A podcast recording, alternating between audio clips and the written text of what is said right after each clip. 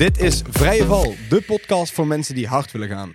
Mijn naam is Lars van Geels. En ik ben Stef Bogers. En onze gast van vandaag heeft zijn bedrijf in 12,5 jaar tijd opgebouwd naar marktleider in Nederland. Is vanaf nul begonnen en stuurt nu 53 medewerkers aan. En maakt garagedeuren die niemand anders kan produceren. En heeft het afgelopen jaar het meest duurzame pand van Nederland gebouwd. Vandaag zitten we hier met niemand minder dan... Sil Kuppens. Sil, je bent uh, in 12,5 jaar tijd gegroeid naar 53 mensen. Hoe stuur je zo'n bedrijf aan en hoe kun je zo'n snelle groei blijven managen? Uh, nou, daar, rol je in. Je begint uh, bij Ome Jacques en Tante Yvonne in de hooischuur. En uh, je begint met 5000 euro startkapitaal. En dan is het allemaal nog niet zo professioneel. En dan, ja, dan begint het bedrijf te groeien, te groeien. Ja, dan vind ik ook dat je jezelf moet ontwikkelen. Dus dan ga ik daar studies vervolgen. En ik, wat mijn hobby is, dus managementboeken lezen. Dus dan ja, daar bouw je ook wel het een en ander uit op ja, waar je iets aan hebt bij het aansturen van de groei van het bedrijf. En het is niet zo dat Sil die alle 53 aanstuurt. Um, maar het is ook zo dat als het bedrijf groter wordt, daar een MT tussen komt. Uh, dus Sil stuurt er zelf geen 53 meer aan. Uiteraard is wel mijn verantwoordelijkheid, maar uh, daar hebben we ook een MT-team voor. Ja, want dat was inderdaad een vraag die we opgeschreven hadden van... Natuurlijk, je groeit hard en hard en hard. Um, hoe dat blijft managen. Want je hebt een MT, uh, verschillende vlakken, denk ik. Nou, waar denk ik bij ons de kracht ligt, is uh, buiten hele mooie garagedeuren die we maken, is dat we ook een, een bedrijf opgezet hebben wat duurzaam groeit. Dus wij doen alles op de vorm van data. Dus we hebben een goed ERP-pakket, goed CRM-pakket. En daar komen dashboards uit waar ook heel veel KPI's uitkomen. En als de KPI's altijd in het groen staan, of een beetje naar het oranje mag ook nog, maar niet te ver in het oranje of in het rood, want dan weten we dat het niet goed gaat. Oké, en ben je vanaf dag één zo uh, data nee, gestuurd? Nee, nee, nee. Toen, toen, we begonnen, toen was het op een papiertje. En uh, met het paar arceerstiften. Later uh, kwam het befaamde Excel voor de facturen en de offertes en de orderbevestigingen. Nog later kwam er een eerste CRM-pakketje en daar ben je natuurlijk in doorgegroeid tot de pakketten waar we nu zitten. Oké, okay. cool.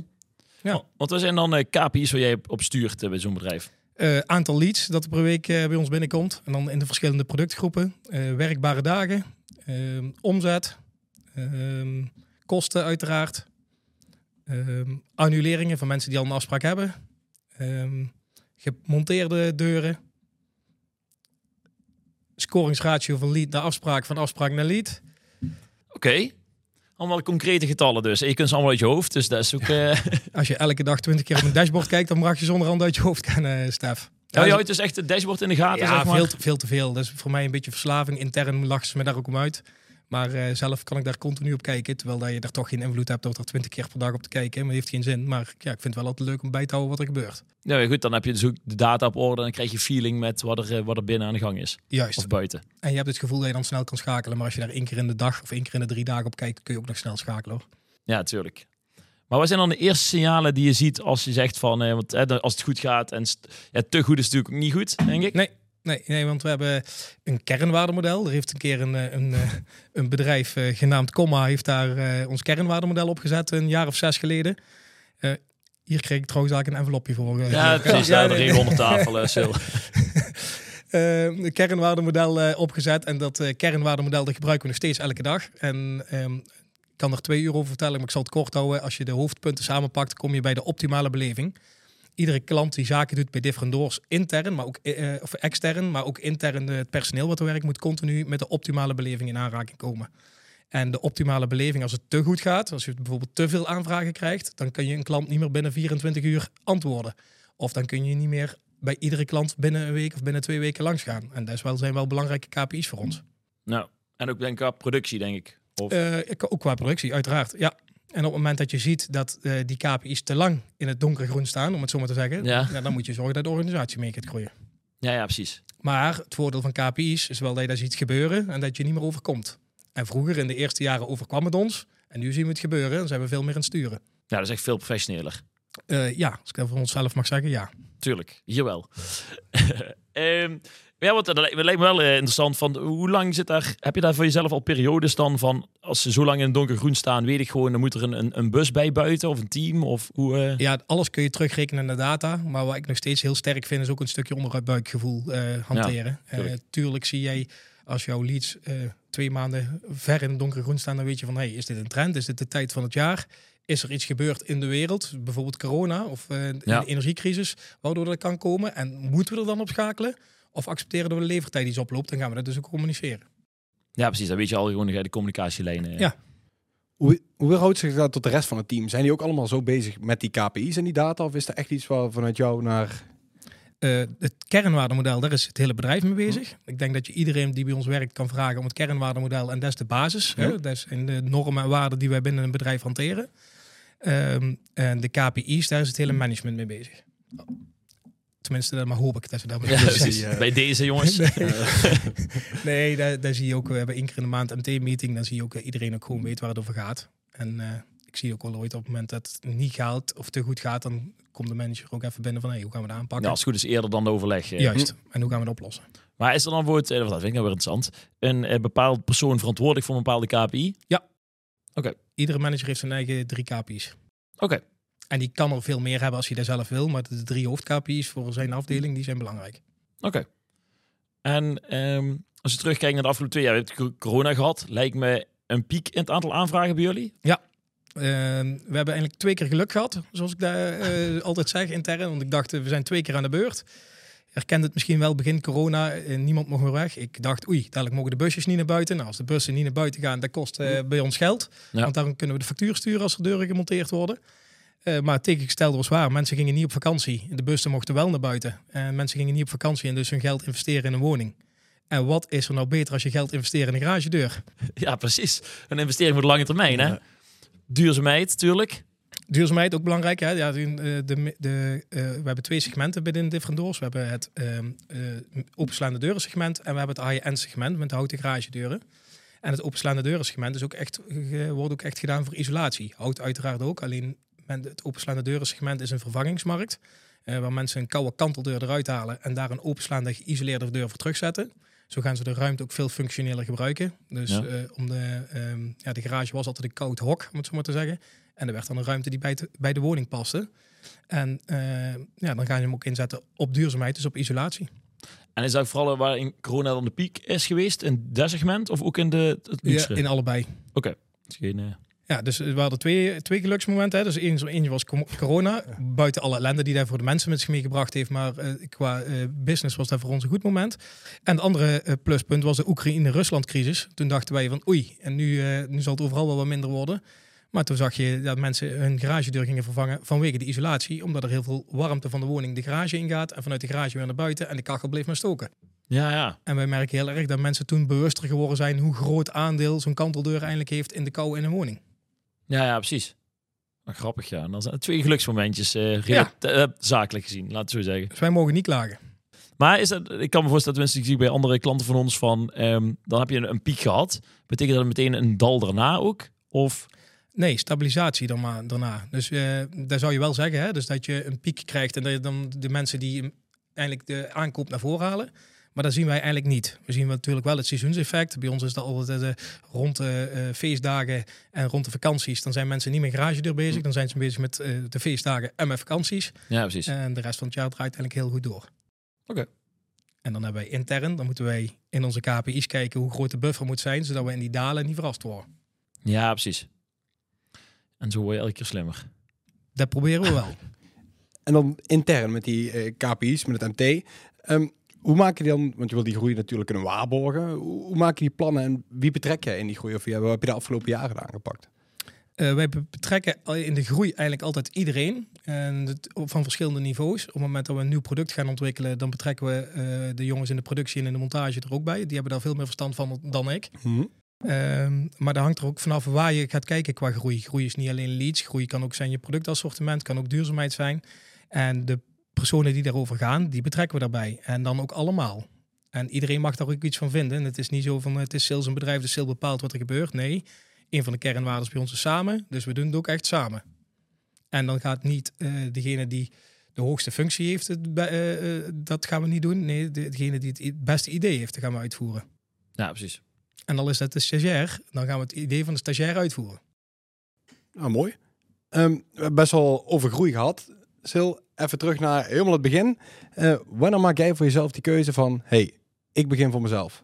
Eh, nou, het was, eh, ik heb altijd gewerkt bij een bedrijf in standaard garagedeuren. Ehm, ik zag daar altijd al, ik werd altijd warm van maatwerkspullen. en ik heb technische bedrijfskunde gedaan op de Fontes. En daar zag ik van, ja, als je nou het gaat doen wat iedereen doet, dan wordt één ding belangrijk en dat is prijs. En op het moment dat je iets unieks gaat doen eh, in een stukje niche-markt, ja, dan is de prijs van ondergeschikt belang, maar dan kun je ook veel meer andere dingen organiseren. En toen dacht ik van, hé, hey, als ik nou eens een garagedeur ga een garagedeurenbedrijf ga beginnen in unieke en luxe garagedeuren, daar zit een stukje vacuüm in de markt. Dan heb ik A, weinig concurrentie en B, valt er misschien ook nog een goede boterham te verdienen. Ja, precies. En dat is letterlijk in de schuur dus bij... eh Ja, dat is in de schuur bij Ome Jacques en Tante Yvonne eh, is, is, is begonnen. en Tussen echt alleen. Ja, echt alleen. Het eerste jaar heb ik alleen gewerkt. Vergeet ik nooit meer. Dat was eh, s s'morgens om vijf uur opstaan. En dan eh, ging ik eh, naar mijn schoonouders toe. Die hebben een bedrijf in fitnessapparatuur en tuinmeubelen. Die bus mogen ik lenen. Want ik had eh 5000 euro spaarcenten gespaard. Dus ik dacht dat ik heel veel geld gespaard had. Ja. Toen ik mijn gereedschap gekocht had, toen bleek, die, bleek dat toch niet zo heel veel geld te zijn. En toen had ik geen geld voor een bus. En de bus van schoonouders mocht ik gelukkig lenen. Maar daar stonden er altijd wat dozen of wat stoelen van tuinmeubels in die ze de dag van tevoren bezorgd hadden. Die haalde ik er dan uit. Dan ging ik naar Ome eh, en Tante Yvonne toe. Ome stond 's morgens vaak voor het werk nog mee te helpen de bus in te laaien. Ging het gereedschap brengen, gingen we naar de klant. Eh, moest ik zorgen wel dat ik rond 5, 6 uur weer terug was. Dus was wel altijd eh, flink doorjagen. Want schoonvader moest zijn tuinmeubel en fitnessapparatuur ga- gaan, gaan bezorgen. En dan ging ik gauw eten, douchen. Dan ging ik mijn afspraken doen om de garagedeuren te verkopen. Kwam ik 10, 11 uur terug. Ging aan de administratie werken en dan naar bed. En dan, eh, ja, de dag daarna begonnen we weer vooraan. En toen had ik het hele jaar keihard gewerkt. Tenminste, dat dacht ik. En dan had ik 2.500 euro verdiend. En 2.500 euro is veel geld. was de helft van de investering. Ja. maar eh, daar werd ik toen niet heel vrolijk van. En toen denk ik, hey, wil ik het nu eh, professioneler aan gaan pakken? Wil ik nu gaan groeien? Dan moet ik echt met personeel gaan beginnen. En zelf de dingen gaan doen waar ik goed in ben. En toen heb ik mijn eerste personeelslid, Thomas, aangenomen. Maar dat is al na het eerste jaar. Thomas is precies na één jaar begonnen. Dus 1 januari 2011 eh, is het bedrijf gestart. En 1 januari 2012 eh, is Thomas begonnen. Dat hebben we gedaan omdat dat makkelijk te onthouden is. Oké, ja, precies. Was ook meteen medewerker van de maand. eh. Ja, dat was inderdaad meteen medewerker van de maand. Ja, echt. Want toen eh, hadden we kerst, eh, eh, medewerker van het jaar zelfs is hij geworden. Oh. Want toen hadden we kerstmis. En we deden toen bij de brasser, gingen we een kerstborrel doen. Ja, tegenwoordig doen we dat met personeel plus partner. Dat deden we toen ook. Alleen toen zaten we met z'n vieren. ja, maar gezellig. En toen had ik geregeld dat de kok, die kwam met een, als dessert met een heel groot bord. En stond op medewerker van het jaar. Gefeliciteerd. Ja, Kijk, dat kijk, enigste goed. was. eh, Ja, dat mag niet uit, kunt maar één keer zijn, toch? had ook afscheid kunnen nemen. Je mag gaan, tot ziens. Ehm, maar die werkt nog steeds bij jullie, toch? ja, zeker. Kijk. En wat is de rol van Thomas nou? Nou, Thomas is eigenlijk wel een heel mooi verhaal. Dan zie je eigenlijk ook dat eh, wij inzetten en mensen zich duurzaam kunnen ontwikkelen binnen de organisatie. Thomas is begonnen als eh, monteur samen met mij. Het eerste jaar hebben we gemonteerd. Het eerste jaar van Thomas dan. En eh, toen heeft Thomas eerste monteur geworden. Zelf een team aan gaan sturen. Toen we een aantal teams hadden, is Thomas de servicemonteur gaan doen. Want als servicemonteur moet je toch van alle deuren eigenlijk alles afweten. En eh, Thomas is sinds vorig jaar eh, doorgegaan naar binnendienst. Die doet nu de planning. Oké. En die doet daar veel beter als wij dat ooit gedaan hebben. Want ja, Thomas heeft tien jaar die deuren Nee, gemonteerd. je snapt wat er... eh, Dus die weet precies wat er moet gebeuren. Kijk. Vet. Ja. Dus, maar eerst eh tweede jaar neem je Thomas aan. En daarna, hoe lang... Eh, toen het tweede jaar namen we geloof ik ook Anton al aan. En toen eh, kwam Patrick het derde jaar erbij. En zo is het eh, ja, gestaag... staag of gegroeid. je eigenlijk niet gestaag, hè? Nee, groei, groei is voor mij aan zich ook nooit een, een doel. Voor mij is wel duurzame groei altijd een doel. Dus je kunt wel heel snel heel hard groeien. Maar dan gaat het ten koste van je kernwaardes. Van optimale beleving. En daar is heilig. Daar mag het nooit ten koste van gaan. En heb je een moment gehad in die, in die 12,5 jaar dat je denkt, ja, nou zijn we te snel gegaan? Eh, ja, toen we in de vrije val kwamen. hè. Kijk, nou wordt het interessant. Bruggetje, bruggetje. ja. Nee, eh flauwekul. Eh, ik heb wel een jaar of vijf geleden, toen waren we nog niet ge- zo gedigitaliseerd en geautomatiseerd als nu. En toen eh, hadden alle monteurs nog een papieren werkbon. En toen eh, ging alles nog in Excel met, qua plannen en dergelijke. En dat was wel echt een fase dat ik dacht van, oh, nou moeten we het niet drukker gaan krijgen. Want dan, eh, Niet meer te overzien. nee, niet meer te overzien. Je was dag en nacht aan het werk. En, eh, en, het, en het liep eigenlijk niet zo goed als het nu loopt. Terwijl dat de omzet ja, aanzienlijk hoger is en er veel meer mensen werken. En nu is er veel meer rust in de tent. Ja, precies. Is daar een beetje het idee van die KPI's eh, of de noodzaak meteen ontstaan van... Jazeker, dat is daar ontstaan. Want ik kan me wel voorstellen dat het voor slapeloze nachten zorgt. Nou, ik- slaap eigenlijk over het algemeen heel goed, omdat ik heel weinig slaap. Dus eh, dan, dan, als je dan gaat liggen, dan, eh, dan, dan slaap je ook. Ja. Eh, ik lig niet snel ergens wakker van, maar het, het is niet fijn. Je krijgt er maar meer stress van. Eh, je moet er, eh, Ehm, eh, je bent er wat meer in je onderbewustzijn mee bezig. En eh, ik ben er meer van om alles gewoon eh, duurzaam te laten groeien en rust in de tent. En eh, ik denk als eh, mensen van Different luisteren, dat ze er wel mee moeten lachen. Want bij mij is het eigenlijk nooit rust in de tent. We moeten altijd, altijd stappen verder. Maar ik, ik denk wel dat je snapt wat ik bedoel. Het moet wel verantwoord gaan. Het moet niet de kosten van mensen gaan. Want dat zou ik heel erg vinden. Stil in die, eh, in die 12,5 jaar tijd, je bedoelde net al even de vrije val. Als je voor jezelf er een vrije valpuntje uit mag halen, of een vrije val eh, tijd, periode, moment. Was voor jou een vrije val? Eh, mooie vraag. Ehm, een vrije val qua dieptepunt of qua hoogtepunt? Ik ben op zich eigenlijk al naar allebei benieuwd. Eh, vrije val qua dieptepunt hoef ik niet zo lang over na te denken. In die periode waar we het net over hadden, toen Mhm. eh, eh, zag ik van... ehm, dat ging het even niet zo goed. Zag ik even dat de cijfers wat teruggingen. Of ja, dat vertelde de accountant dan, want toen hadden we nog niet die mooie dashboards. En toen zag ik het even niet meer zitten. En toen eh reed ik naar Spap toe. Eh, die was toevallig met de geut bezig, alle bladeren eruit aan het halen. Die stond boven aan de trap. Ik zeg, pap, we hebben een probleem. En het huilen stond maar eh, nader dan het lachen. Want ik denk, wat gaat me nou overkomen? Net vijf mensen in dienst en dadelijk gaat de verkeerde kant op met het bedrijf. En het enige was, pap vroeg, wordt er genoeg verkocht? Ik zeg, ja, verkopen tegen de klip omhoog. Oh, dan is er geen probleem.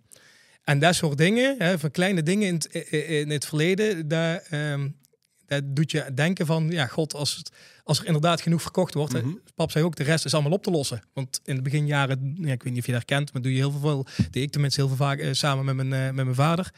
En ehm, als dan iemand zo rustig blijft en ziet van, oh, we hebben eigenlijk geen probleem, als er genoeg verkocht wordt, de rest is op te lossen, zijn daar wel puntjes waar je in het verleden van zegt, hey, dat is bij mij altijd blijven hangen. Ja. En dat ik van denk van, ja, nu denk ik nog wel ooit als het even minder gaat, eh, ja, we verkopen genoeg, rustig blijven, lossen we wel op. Ja, dat is de belangrijkste, eigenlijk de belangrijkste KPI. Eh, Het komt er nog genoeg aan de voorkant. eh. Ja, Maar hoe, ik ben nou even benieuwd, het, eh, het huilen stond je nader dan het lachen. Ja. Nou, op het moment dat je niet zo het overzicht hebt en niet alles zo in de KPI's hebt zoals we het nu hebben. en je denkt van, oh, mijn bedrijf gaat eraan. En toen, ja, dan ben je ook een stuk jonger. Hè? Dan, eh, dan ben je niet, eh, heb je niet de ervaring die je nu hebt. Heb je eh, niet de eh, bagage en informatie die je nu hebt. Dan denk je meteen, oh, ja, het worst case scenario, we gaan failliet. Terwijl het Ja. ging even een weekje wat minder. Ja, we hebben het over. Ja, achteraf is alles makkelijk Ja, relativeren. Ja, ja. Als, Oké. we, als we nou failliet geweest waren na die tijd, dan had je gezegd van ja, dat was het punt dat je gezien maar, ja, maar ja, nu kun je dat wel makkelijker bagatelliseren en op een ander eh, punt bekijken. Oké, dat is vrije val 1. Ja. En dan nou eh, de mooie vrije val. Ja, nou, eh daar, daar zijn er bij mij eigenlijk verschillende. Ik vind eh, heel gaaf eh, eh, de mensen die we hebben werken. Dat klinkt heel clichéachtig, maar dat is echt. Al bij die 53 zit geen één rotte appel bij. Mooi. En ja, dat vind ik echt, dat we, die maken het bedrijf. Ehm, als een maand wat minder verdiend wordt of wat dan ook, dat maakt me niet zoveel uit. Als ik zie die club mensen die we nu hebben, die is echt uniek en die maken het succes van Different Doors. Ik krijg heel vaak de credits hè, van buitenaf, want het is sales een bedrijf en sales is ermee begonnen. Ja, dat snap ik ook wel. Maar het zijn wel echt die mensen die het maken. En, Ja. en daar realiseer ik me wel degelijk. En eh, ja, daar, eh, daar probeer ik ook heel erg goed voor te zijn. Ik denk sowieso, begelijk eigenlijk volgende vraag schiet me dan te binnen. Ik ben natuurlijk bij jullie de opening bij het pand geweest. En dan zie je die club mensen bij elkaar. En hoe krijg je het voor elkaar om al die mensen zo te binden en eigenlijk zo'n, ja, toch wel eens een sterk team, vriendengroepachtig eh te bouwen? Nou, ja, ik denk, ik kan dat nooit hard maken, maar ik denk dat heeft te maken met een aantal dingen. Kijk, bij ons is de sfeer heel goed onder elkaar. We successen vieren we samen en problemen lossen we samen op. En als je iets goed doet, krijg je de complimenten. En op het moment dat je iets fout doet, dan gaan we dat samen oplossen.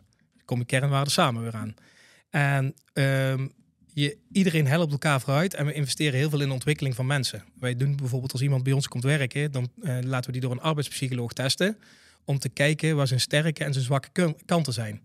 En dan niet om daarop af te rekenen, maar de zwakke kanten, dat mag je bij ons niet doen, ook al hoort dat bij je functie. En de sterke kanten gaan we je net eh, extra op pushen, want daar ben je heel erg goed in. Nou, dan krijg je allemaal van die bruistabletjes, zoals wij dat zeggen. Eh, die, gaan, eh, die gaan vanzelf.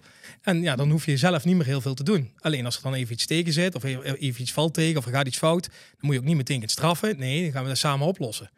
En ehm, wij kijken ook nooit meer wat er in een arbeidscontract staat. Dus we hebben wel een arbeidscontract, omdat het wettelijk verplicht is. Ja. Maar mensen werken bij ons zoveel als ze willen. Mensen hebben dagen zoveel als ze willen. Ehm, of op het moment dat het even minder gaat, in coronatijd hadden we bijvoorbeeld mensen die, ehm, waar thuis het niet lekker liep. En dan gaan wij niet kijken waar er in de CAO staat of, of je zorgverlofdagen hebt of wat, wat dan ook. Nee, als jij thuis harder nodig bent dan op het werk, dan snappen wij dat thuis voorgaat. En dan ga ik daar niet van je vakantiedagen inhouden. Dan gaan we daar niet kijken, oh, staat er in de CO of hoe gaan we dat betalen? Nee, dan ga je dat thuis regelen en dan kom je terug. Het mooie daarvan is, je krijgt dermate betrokken werknemers dat ze daar op een of andere manier terug, iets voor terug willen doen, maar helemaal niet hoeft. Dat verlang ik helemaal niet, want als het bij mij thuis niet goed gaat, dan ben ik ook thuis en dan ben ik ook niet op het werk. Ja. Maar dan krijg je zo'n enorme betrokkenheid van. Ja, en, en een van de puntjes is natuurlijk, eh, en ik hoop dat heel veel mensen luisteren, eh, wij, wij doen elke twee maanden gaan we iets leuks doen met elkaar. Dus we gaan of naar het Oktoberfest in Zoerendonk, of eh, we gaan naar Guus Meeuwis, eh, of we gaan eh, barbecuen. Ja, en zo proberen we elke keer eh bolen. Zo gaan we elke keer leuke dingen doen. Aanwezigheid is niet verplicht, maar iedereen is wel altijd aanwezig. Ja, en dan krijg je een bepaalde sfeer in het bedrijf. Eh, vrijdagmiddag, vandaag is vrijdag, 4 uur, is iedereen in de kantine. Dan betalen we ook gewoon door tot 5 uur.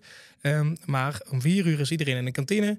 Drinken we een fles bier, of eh, alcoholvrij, of fris, of koffie. Er ligt altijd, er zijn er eh, 3,5 kruimeltjes fly. Eh, we zijn ooit begonnen met een halve kruimeltje fly en zitten nu met 3,5 kruimeltjes fly. Vier uur, hè, was? En ja, en dan krijg je een bepaalde sfeer dat je ook altijd met plezierig het weekend ingaat. En eh, op het moment dat er iets is, zeggen we altijd geef aan. Kunnen we kijken of we samen iets aan kunnen doen. Maar samen het succes bouwen, de, ja, ik denk dat dat de kracht van Different Doors is. En dat maakt ook dat we niet makkelijk te kopiëren zijn, denk ik. Oké. Want je kunt deuren kun je kopiëren. Je kunt een vindbaarheid op internet kun je kopiëren. Je kunt een website kopiëren. Maar kernwaardes hè, en hoe je, in het, eh, hoe je met elkaar omgaat en hoe je met een klant omgaat en hoe je optimale beleving uitdraagt, dat kun je niet zomaar kopiëren. Ja, Waar je met je bedrijf gebouwd hebt, kijk, je producten vervangbaar. Alleen ver- vervangbaar, in ieder geval je bedrijf, die club, die cultuur die jullie samen hebben, die, ja, dat, daar zet je niet zomaar op. Ja, precies. Dat, ik, dat, dat denk ik oprecht. Nou, dat is ook, en daar bouw je natuurlijk, eh, ik bedoel, daar heb je ook letterlijk 12,5 jaar aan gebouwd. Ja, ja Dus niet dat- ik hè, wij. Ja, Samen zitten in de kernwaarden. Ja, dat, ja. anders. Ehm, nee, maar goed, eh, ja, dat hebben we nou, knap. Eh, echt natuurlijk. eh, En daar allesomvattend hè, is eigenlijk de kernwaarde anders en vrij. Als je kijkt, we denken dat we best veel dingen anders doen dan anderen. Eh, dat doen we ook in de type producten. En vrij is ja, dat je, je, je vrij mag zijn hoe je jouw functie invult. En tuurlijk, hè, mensen die klantcontact hebben, die moeten zorgen dat ze om acht uur de telefoon opnemen. Eh, want dat staat op onze website dat we vanaf acht uur bereikbaar zijn. Alleen op het moment dat jij een feestje hebt en je zegt tegen je collega: Goh, zou jij de telefoon op willen nemen om acht uur, want ik ben er om tien uur, dan hoef je dat bij ons niet te vragen. Dan regel je dat gewoon Ja. zelf. ja, met vrijheid komt verantwoordelijkheid. Ja, en dat is, en dan, dat is de kernwaarde vrij. Nou, ik denk dat anders vrij en samen nou goed uitgelegd is. Hebben we meteen alle drie de kernwaarden gehad. Kijk. Pink. Weer een envelopje. Hoppakee. Zei die het nou? Nee. Dure middag. Ja, dit Nee. eh, is een podcast gescheld, dames en heren. Ehm, nou, ik vind het leuk. Kijk, natuurlijk mooie, mooie succesverhalen. Maar dan moet, wat is nou het grootste conflict waar je in die 12,5 jaar gehad hebt? Poeh. Eh, extern of intern? ja, de, nou, kijk we gewoon allebei. weer. We hebben twee conflicten. We moeten de tijd vol. Ja, goed, we zetten op. eh, Nee. Nee, nee, maar ik vind het wel interessant van. Eh, want natuurlijk, kijk, achteraf en sommige dingen lijken, lijken ook misschien in het moment groter dan ze achteraf zijn. Maar eh, kijk, zo'n bedrijf stamp je niet zomaar uit de grond zonder dat daar op bepaalde punten wrijving is. Eh, dat klopt. Alleen ik denk dat je wel heel veel wrijving kunt voorkomen. Vertel. Nou, dat hangt vanaf wat er eh, voorvalt. Kijk, als jij heel hard op de regels gaat zijn, ja, dan kun je elke dag wel wrijving Ja, precies. En op het moment dat iemand eh, even iets doet wat niet zo hoort, of wat je niet zo prettig vindt, en je gaat ermee in gesprek en je doet dat op een coachende manier, dan denk ik dat je veel, veel meer bereikt dan dat je tegen iemand zegt, hey, dat, dat mag hier niet. Wat Ja, ben jij mee bezig? Ja. Want dan krijg je de weerstand, weerstand. Ja, dan heb je zo'n conflict te pakken. Ja, dan eh, kun je er iedere dag twee hebben. ja, dus ja, wij zijn wel veel meer vanuit het coachend leiderschap, ja. En is dat een schade en schande wijs geworden? Of eh, Nee, dat is door eh, tijdig de juiste boeken te lezen en trainingen te volgen.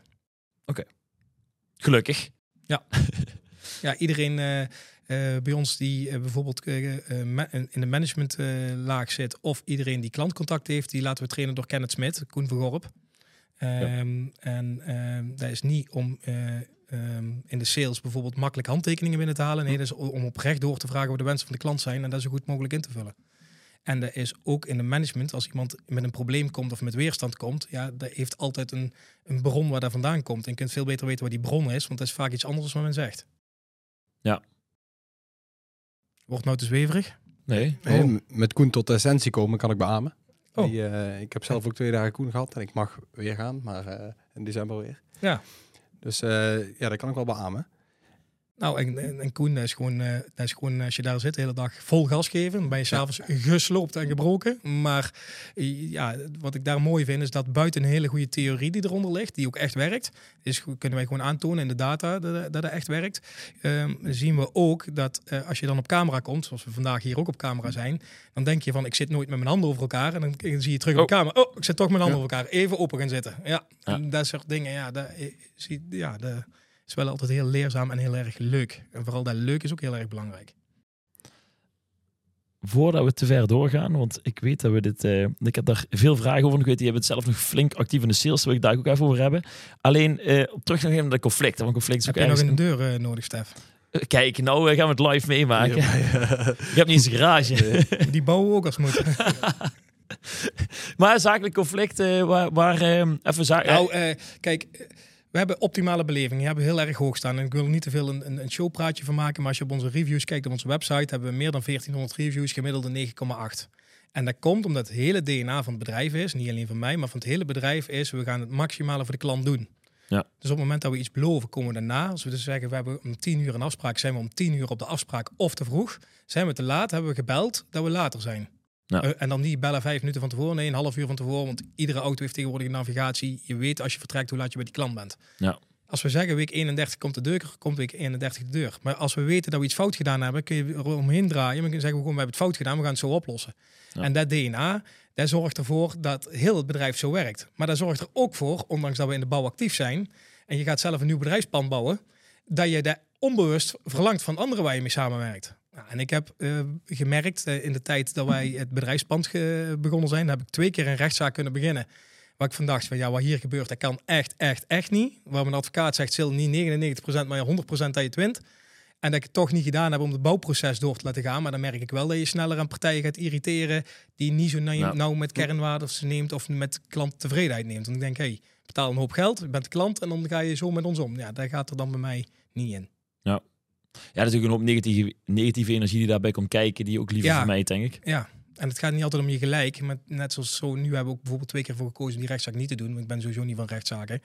Um, om het bouwproces wel klaar te krijgen. Anders hadden we het nooit binnen 2,5 jaar klaar gehad. Nou, zoveel mooie dingen. Um, maar het, het, pand, meest duurzame pand, wat we toch heel even aanstippen. meest duurzame pand van Nederland? Ja, uh, officiële projecttitel is het eerste bedrijfspand dat voldoet aan de norm van 2050. Kijk.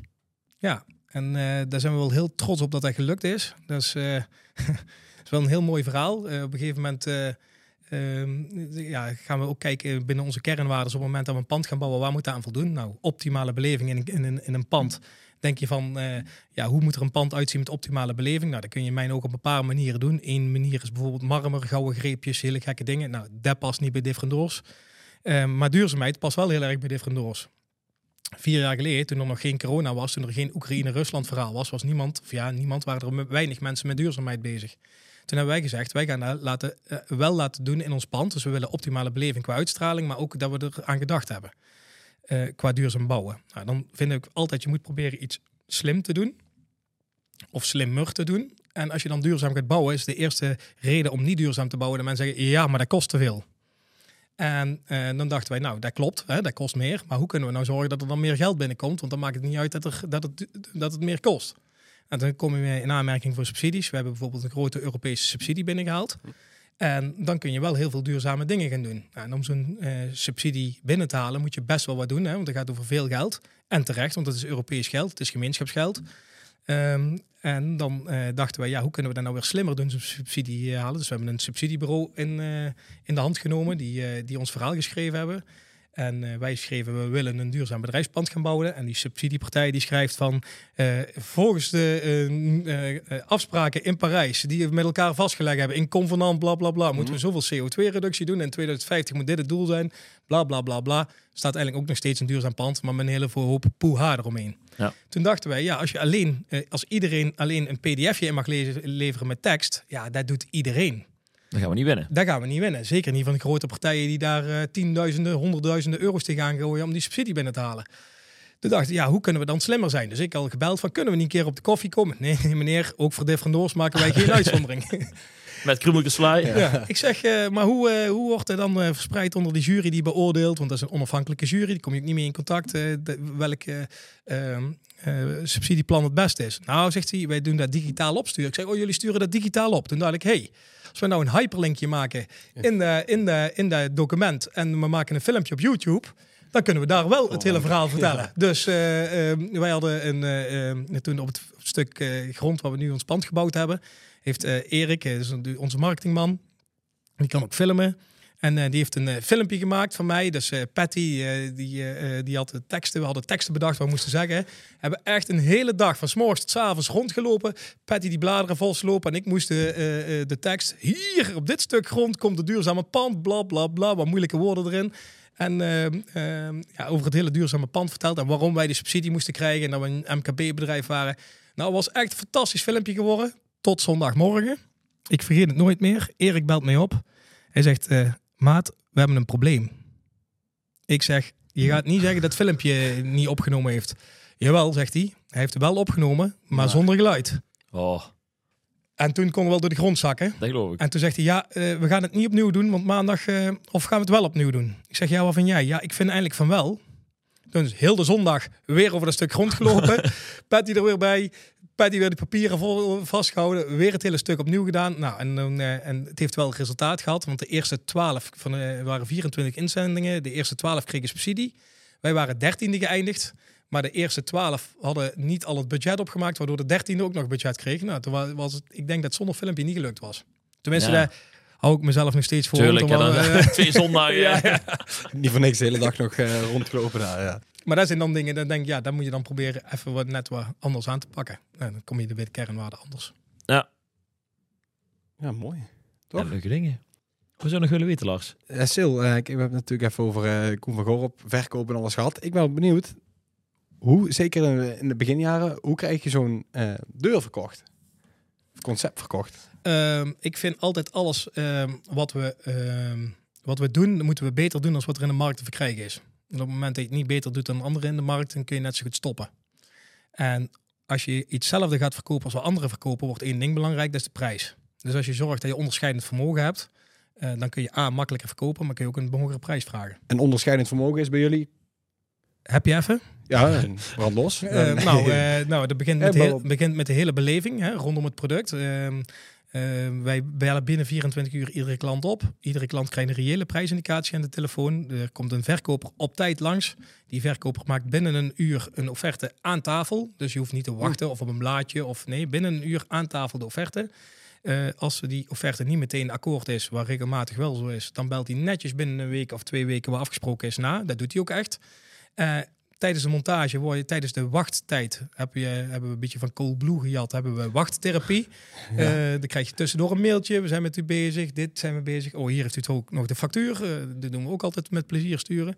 En dan een dag voor montage krijg je ook nog een mailtje. We zijn morgen sowieso laat bij u. En die tijd zijn de monteurs er ook, zijn onze monteurs er later. En bellen ze ook van tevoren. Hm. Wij merken dat we daar uitzonderlijk in zijn tot nu toe. Ik vind dat eigenlijk heel de normaal. bouw vooral, denk ik. Ja, nou, dat, dat merken we wel inderdaad. En dan wordt die deur geïnstalleerd. Dan worden foto's gemaakt binnen en buiten. wordt in het archief gedaan. En de klant tekent voor oplevering. En als er iets is waar hij het niet over eens is, kan hij het ook aangeven. En dan komen we dat binnen een week oplossen. En dan heb je het over het beleving aan, eh, rondom het proces. Nou, dan hebben we het product heeft ook nog eh, minimaal 10 onderscheidende punten. Ja, want dan ben ik wel even benieuwd. naar. Je hebt natuurlijk de, ik noem het even tussen, nou, dat mag ik zo niet zeggen, misschien standaard openslaande garagedeur, die wel hogere kwaliteit is. Maar jullie maken ook superveel maatwerk. Hout. Wij maken eigenlijk alleen maar maatwerk. Dus ook onze openslaande deuren zijn maatwerk. Oké. En dat is geen standaard openslaande deur, dat is een different doors. En die eh, heeft ook eh, onderscheidende punten ten opzichte van alle rest van de, in de markt. Oké, dus de- gewoon, daar kan een concurrent eigenlijk niet mee. Nou, wil jij weten wat dat is? Nee, nou? Eh, eh, Nee, eh, nou, dat zal ik ze hier opnoemen. Kijk Ja, vooral ook eens op www.differentdoors.nl. Kijk, nou kost de andere kant geld. Flopje terug. Hier. Ehm, eh, nou, we hebben bijvoorbeeld sandwichpanelen bij die opslaande deuren. Ja. Die kun je normaal gesproken alleen maar spuiten. Die kun je niet poedercoaten. Ehm, want bij poedercoaten verwa- verhit je het proces en dan valt die isolatievlam. En wij werken met een bedrijf samen die sandwichpanelen wel kan poedercoaten, waardoor je geen kleurverschil meer krijgt tussen je stijlen en je panelen. Kijk, En dan is de lak ook nog eens veel harder. Dus als ik jou de keuze geef, je mag een deur kiezen met kleurverschil of zonder kleurverschil. Ja, zonder kleurverschil natuurlijk. Nou, nou dan, dat kunnen wij heel erg goed. Kijk. Maar dan En heb ik, je... heb, ik ben het in de rest van de markt nog niet tegengekomen. wil niet zeggen dat het er niet is. Nee, precies. Dat, dan, dan zijn, want jouw concurrenten, misschien ook wel, zijn vaak grotere namen. Eh, ja, En die zijn dan toch niet zo ver, zoveel bezig met productinnovatie? Of, op, eh, op openslaande deuren zijn dat eh Horman en Novoferm. En bij houten sectionaaldeuren is dat arrogantie. Zo heten ze? Nee, nee Horman en Novoferm, dat zijn echt onze concurrenten op openslaande deuren. En eh, bij houten sectionaaldeuren, eh, zoals wij het doen met vingerknelbeveiliging en 12 centimeter dikke deuren en echt hout, dat doet eigenlijk niemand. Ah. Alleen intern zeg ik altijd onze grootste concurrent arrogantie is. Kijk. Als wij, als wij denken dat we het al heel goed doen, als wij denken dat we een offerte niet na hoeven te bellen, als wij denken dat we niet binnen 24 uur op een klacht hoeven te reageren, als wij denken dat we de garage niet mooier achter moeten laten als dat we s'morgens Hm. komen, dat is het begin van het einde. Ja, precies. Want ik vind dat dat is natuurlijk een hele. Het zijn, het zijn twee productgroepen, maar natuurlijk een heel andere branche. Die houdt. eh Ja. eh, sectionaal deuren, zeg ik het goed? Ja, houten sectionaaldeuren, ja. Kijk. Maar, maar misschien nog even voor de luisteraar. ehm, er zijn exclusievere deuren die je bij de. Ja, eigenlijk moet je die garagedeuren, dat zijn garagedeuren vanaf 10.000 euro. Ehm, eh, en dat zijn altijd maatwerk deuren. En dat, we kunnen daar zo ver in gaan dat als de klant ze kan tekenen, kunnen wij het maken. En waarom zeg ik dat? Het is dus niet alleen horizontale of verticale plankjes. Maar als je bijvoorbeeld een monumentaal pand hebt waar ramen en deuren in zitten, gevelstuk, dan maken we daar helemaal na één op één op de garagedeur. Daar zijn we ook een keer helemaal viraal mee gegaan op LinkedIn. En dat filmpje waar een keer een, een klant gewoon met zijn iPhone erop gezet heeft. Nou kom ik nog ooit bij grote aannemers, grote architecten binnen. Oh, zijn jullie van dat filmpje? Da- Nou. Dat ken ik nog van LinkedIn. Zijn jullie daar? Ja, daar, daar zijn wij.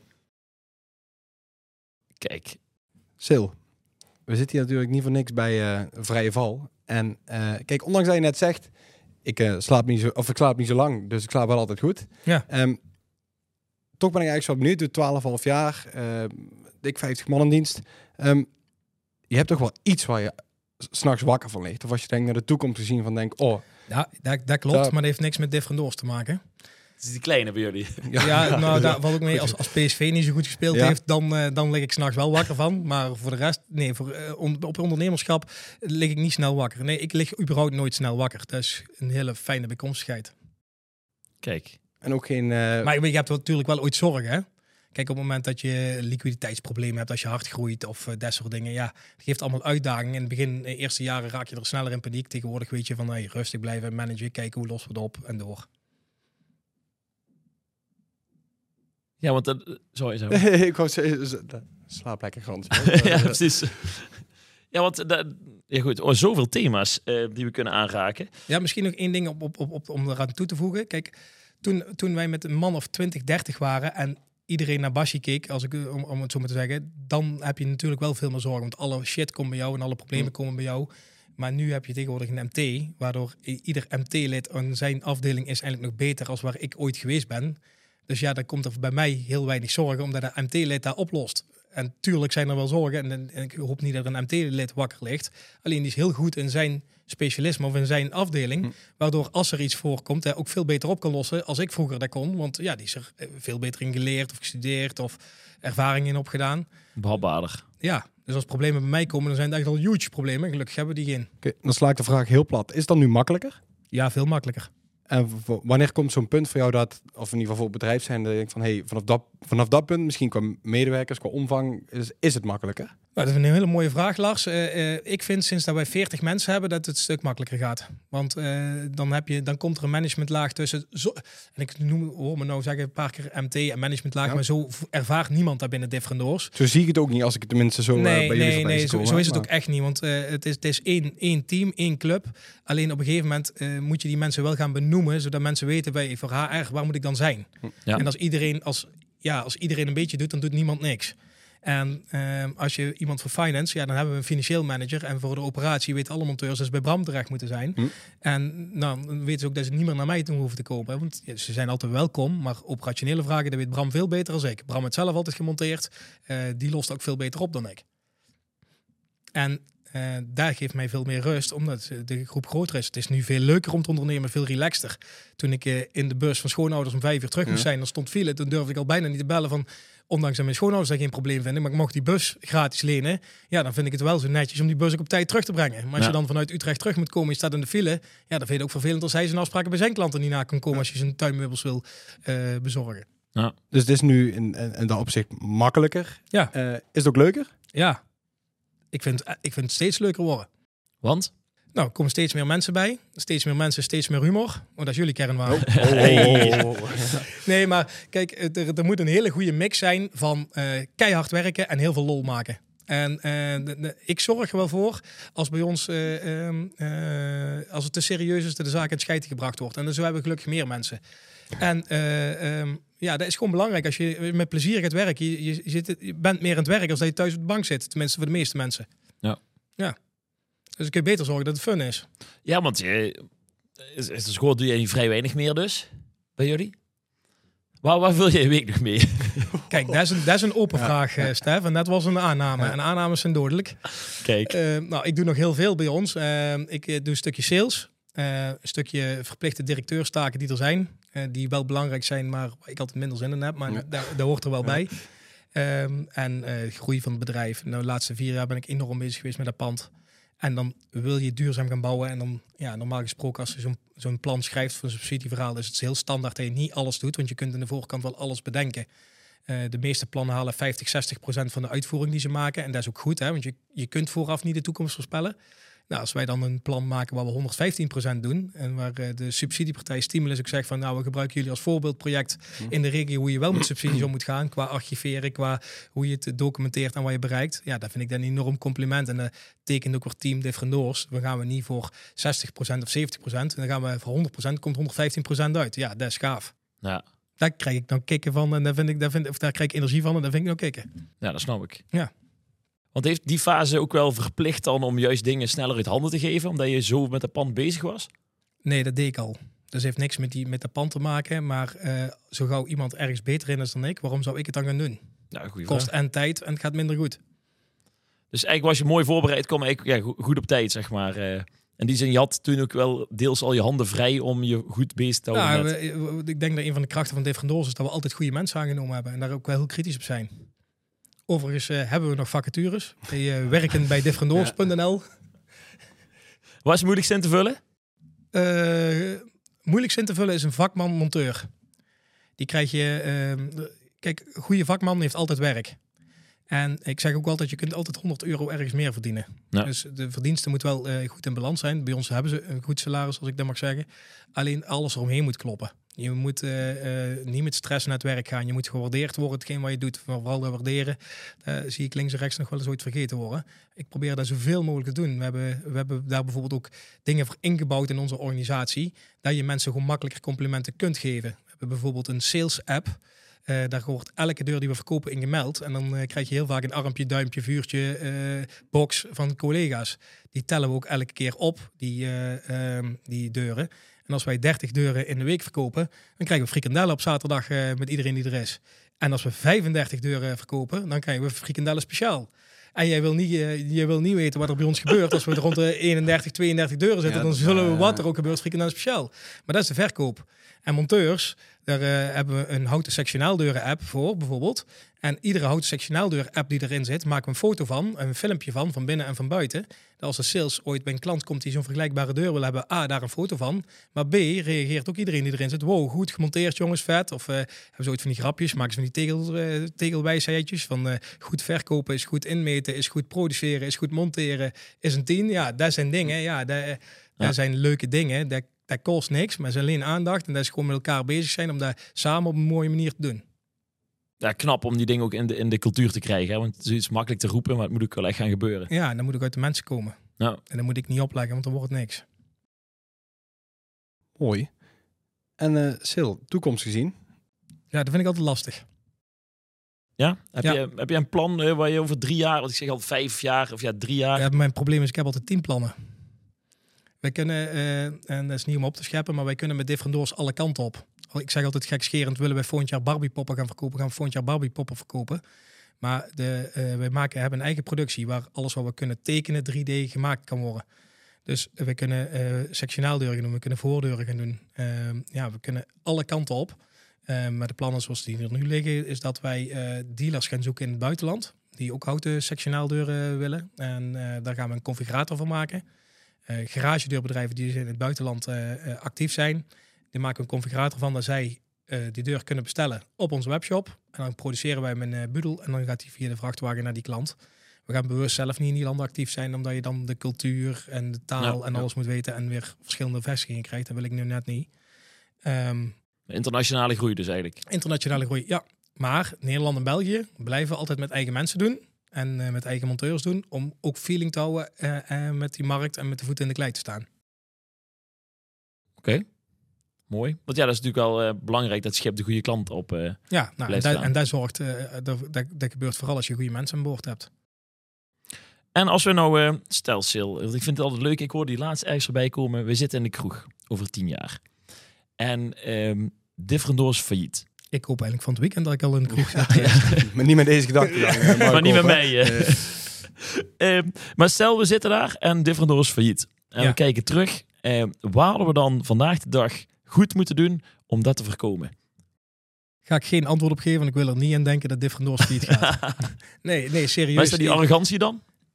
Nee, Stel, nee, dat, nee, dat, het grootste risico, wil ik zeggen? Uh, nee, dat is, dat is niet het grootste risico, want dan weet iedereen bij ons wel dat we dat niet in doen. Kijk. Uh, maar, maar, stel de vraag nog eens. Als, stel, uh, stel we zitten over tien jaar... iets minder dramatisch maken, want dat failliet wil ik niet in denken. stel het is, uh, ver, nou, laten we zeggen, verkeerd gegaan. Mogen we even kijken hoe we het interpreteren. Ja, ja. Maar we zitten over tien jaar, we met de kennis van dan kijken we terug. Welk, welk, wat heb je gemist? Wat zijn kansen waar je denkt, oh, daar moeten we nu echt iets mee, want anders zou dat wel eens kunnen betekenen dat. Nou, daar zou ik echt geen antwoord op weten, want dan zou ik er al iets aan gedaan hebben. Kijk, dat is wel een goed antwoord. Dat zegt denk ik al genoeg, ja. Ja, maar ik vind dat mooi. Ik vind dat een mooie oefening om eens uh, een keer. Uh, we willen hem zelf een keer gaan doen, omdat je net zo de uh, AI natuurlijk. Nou ja, nou goed, daar, daar zijn we ook mee bezig. we hebben drie jaar geleden hebben we, hebben een jaarlijks MT meeting voor de plannen voor het komend jaar. het, met elkaar te ventileren, kijken, terug te kijken wat ging er goed, wat moet er beter en wat was perfect. De perfecte zijn er nooit heel veel, want het kan altijd beter in onze ogen.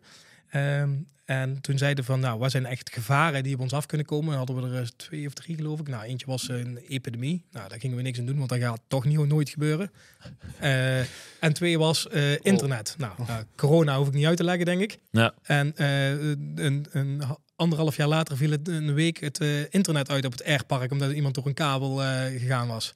Maar doordat we dat benoemd hadden, hadden we wel een 4G-ontvanger uh, bovenop het dak staan. En uh, kwamen wij wij hoorden eigenlijk pas toen het een week er internet eruit gelegen had, dat een week het internet eruit gelegen had. En dat uh, eh, 4G had het automatisch overgenomen. Dat vond ik wel gaaf dat we daar toch over gedacht hadden. Maar als je mij nou vraagt, waar, waar zou je het echt anders doen? Ja, echt, ik zou niks anders doen. Ja, ik zou nooit meer beginnen met 5000 euro startkapitaal en zelf gaan ploeteren. En dat, zou ik nooit meer gaan doen. Dan zou ik gaan zorgen voor een grotere financiering aan de voorkant. Um, maar dat heeft ook zijn uh, krachten gehad op, nu. Ik weet nog dat mijn eerste, om in jullie termen te blijven, mijn eerste uh, factuur kwam, of offerte kwam van marketing. En die kostte 150 euro per maand voor AdWords op te zetten. Ik vergeet het nooit meer. Nou, ik heb drie maanden over nagedacht, want 150 euro was wel heel veel geld. Hm. En uiteindelijk toch gedaan. En dat is alleen maar meer en meer en meer geworden. Maar doordat je toen op nul hebt moeten beginnen, geef je nu niet zomaar geld uit. Ja, precies. Weet wel wat het. Uh, je weet wel wat je moet doen. Ja. Is het dan ook, ben ik wel gelijk even, je zegt, ik zou met meer startkapitaal beginnen. Hm? Voor iemand die, uh, die plannen heeft, die op nul begint, die ergens moet starten, was nummer één tip die je mee zou willen geven? Je hebt waarschijnlijk honderden. Ik, uh... um, de nummer één tip, dat is een goede vraag. Uh, doe altijd iets waar je goed in bent en waar je energie van krijgt. Want als je iets gaat doen waar anderen doen, omdat je dat gaaf vindt om te doen, maar je bent er zelf niet goed in, dan hm. wordt het helemaal niks. Het moet wel vanzelf gaan. En ik denk helemaal op nul beginnen dat dat niet erg is voor je eerste bedrijf. Omdat je daar heel veel van leert. Omdat je weet dan wat, hoe moet ik een offerte maken, hoe moet ik een factuur maken, hoe werkt de jaarrekening, hoe werkt... Als je alles zelf moet doen, dan kun je straks, als je groter wordt, ook iedereen aansturen.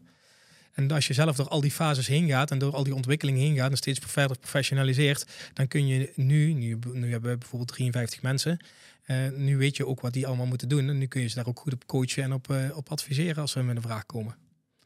En nu, als je een tweede bedrijf ooit zou beginnen, ja, dan ga je niet meer helemaal op nul beginnen, want dan ben je er een keer doorheen gegaan. Uh, dan zie je eigenlijk ook hoe, het, hoe je de eerste jaren hebt liggen ploeteren met, met niks verdienen. Maar eh, ja, dat, dat is wel de basis om het goed te leren. Maar vooral iets doen waar je goed in bent en waar je energie van krijgt. En eh, iets waar je niet, geen energie van krijgt, ga het ook niet doen. Of toch proberen, want dan gaat alleen maar eh, leed en last worden. Een helder antwoord, denk ik. Ja, want ik ben nou, eh heb ik het toch richting het einde. Ehm, als je kijkt naar de, ehm, de managementboeken die jij gelezen hebt. Heel veel managementboeken hoor ik, heel veel kennis vergaard, eh, trainingen gedaan.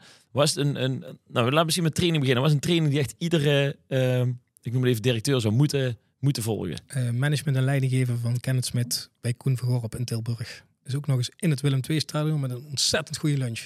Kijk, En de hapjes tussendoor moet je ook niet vergeten, Ja. Die, eh, honger. ja, Ehm, Oké, eh, dus echt, maar wanneer was, het, was dan echt het ding waar je daar op gedaan hebt, waar je zegt van, nou, daar heb ik elke dag plezier van? Eh, de manier van leiding geven, vragen stellen, omgaan met bezwaren en doorvragen achter de vraag die er zit. Dus ook vanuit medewerkers. Ja, vanuit medewerkers. Nu net vanuit medewerkers. Interessant. Ja. En welk boek Heb jij zou... die training al gedaan, Stef? Ja, dit zie je wel weer. Nee. Nee, ik ben, eh, ja, we, we hadden het net even over. hè. Lars doet de training nou, de sales training. En ja, die komt met super, eh, super leuke inzichten. De- je vroeg aan als manager. Als manager zou ik management en leiding geven doen. En iedereen die sales wil gaan doen, zou ik altijd expert in sales doen van Kent Smit, van Koen Vergorp in Tilburg. Kijk, ja, Koen, de naam kwam ook via jou. Dus eh, het is Ja. geen wonder dat Lars er nog rondloopt.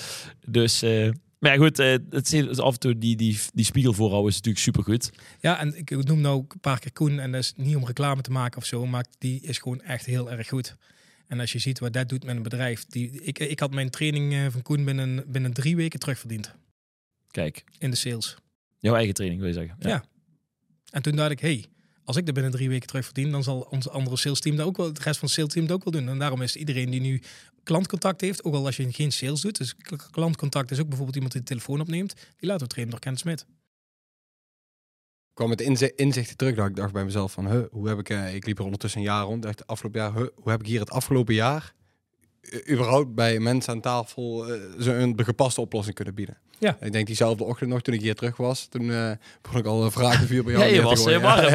Ja, eh. Ik was helemaal... eh, Nou, men, de, de klassieke fout van iedereen die eh, in- iets in de sales wil gaan doen, is die gaat zelf heel veel praten, zoals ik Ja. eh, hier in de podcast Ja. doe, maar, maar dat is een podcast voor Dus bedoeld. we stellen ook vragen. Ja. Hè? Zeker. Ja, en, en als je iets wil verkopen, dan, ja, dan moet je eerst weten waar is die behoefte en waarom heeft hij die behoefte. Ja, we hadden van de week over eh, dit misschien de, de- luisterkamer te noemen in plaats van de spreekkamer. Ja, Dus, eh, maar er zijn natuurlijk wel, eh, eigenlijk, je hebt twee oren en één mond en dan komen de clichés. Maar dat is natuurlijk wel ja, tip 1 denk ik voor iedere sales. Ja. Nee, die inzichten krijg je ook op die dagen. Daar, daar kwam die luisterkamer eigenlijk van. Die, eh, heel veel mensen hebben de spreekkamer hangen, maar noem het nou eens een luisterkamer, want je gaat niet spreken, je gaat luisteren. En welk managementboek? Boeken. Eh, jij kan er heel veel noemen. Eh, op, eh, nou, ik zal je, je marketing, eh, iets op marketing. Ja, maar laten we beginnen. Nou, ik wil gewoon thema's. Als we zoveel kennis op kunnen halen. Eh Bitsing methode. Ken je dat boek? Nee. Nou, iedere goede marketeer heeft... eh, nee, nee. heb ik mensen voorstellen, heb ik mensen voorstellen. Eh, Delegeren, Nee, hè, nee, delegeren. Oh, oh. Bitsing vond ik een heel leuk marketingboek waar ik heel veel van geleerd heb. Eh, verkoop heb ik de Sales Tiger. En ehm Eckhart Notes op managementgebied vind ik heel erg leuk. Eckhart Notes is een eh, iemand die zijn bedrijf ja. laat groeien en dan elke keer splitst. En eh, leest ook heel makkelijk weg. Ja, dat zijn wel leuke boeken. Ja, ik, ja ik ken hem, die ken ik wel. En nu ben ik bezig in boeken met AI. Vind ik altijd mooi. Boeken met AI. Ja, dat boek is ook geschreven door AI, Ja. grotendeels. Oh, oké. Ja. En hoe heet het? Geen flauw idee. Aparte titel, ja. maar ik heb, ik heb het ook nog niet, eh, ik heb het ook nog niet uit. Kijk, nou dan, eh, dat is nee, voor de maar volgende. ik, ik vind, wil je met de tijd meegaan, moet je dat wel doen. Ja, gewoon even in de gaten houden in ieder geval wat er gebeurt. Hè? Ja, je, je hoeft niet een expert op AI te worden, maar je moet wel weten wat het is en hoe je ermee om kan gaan. Ja, hoe je het weer eh, kunt gebruiken om het te verbeteren bij jullie. Ja, precies. Mooi. Heb jij nog dingen die we niet gevraagd hebben? Waarvan je denkt, nou dat had je eigenlijk moeten vragen. Wat onze website was, uh, Was die ook alweer uh, www.differendoors.nl. Kijk. Nee, flauwekul. Eh nee, Je Sil, waar ben je het meest trots op? op mijn twee kinderen. Oh. Hoef ik niet over na te denken. Hoe daar, hebben we het helemaal, nou, daar wil ik eigenlijk nog wel eventjes eh, even aantikken. Ja, ik dacht ik op maar vind, hè. Goed bezig, eh, Lars. Wat zijn eh, de werk-privébalans? Is dat dus goed te doen? Ik zeg, het begin was die er niet werk, balans. eh, privébalans eh, die is goed te doen. En dan moet ik alle complimenten voor aan mijn vrouw geven. Kijk, En dat meen ik ook oprecht. Want als het mij had laten doen, dan was hij niet zo goed geweest als hij nu is. Eh, en nu ben ik heel blij dat hij zo is. Want eh, ik eh, werk sinds een twee jaar niet meer op zaterdag. Dan is echt gewoon voor het gezin. Dat doe ik ook echt. En ik ben elke dag om, ja, ik zeg half zes. Mijn vrouw zegt altijd tien over half zes thuis om eh, voor te om eten. half zes vertrek je. Ja, half zes vertrek ik. Om, eh, om thuis te eten met de kids tot als ze in bed liggen tot half acht. En dan, eh, of, eh, eh, nou, dan ga ik terug naar de zaak of ik werk thuis een stuk verder. Maar half zes tot half acht ben ik niet bereikbaar. Dus niet meer van, van zes tot zes. Nee, Kijk, mooi man. Ja. Hey, dankjewel, Sil. Superleuk om jou als, als gast te hebben. nou, graag Zeker. gedaan. Ik vond het ook weer leuk om aan te sluiten. Dus ja, wordt vervolgd. We houden jou in de gaten. Dankjewel. Waar het, eh, waar het eindigt. Dit was Vrije Val, de podcast voor mensen die hard willen gaan. Met vandaag als gast Sil Kuppers en natuurlijk de host Stef Bogers en ik. Volg ons op Facebook, Instagram en natuurlijk op TikTok. En luister onze podcast op Spotify en YouTube. Groeten!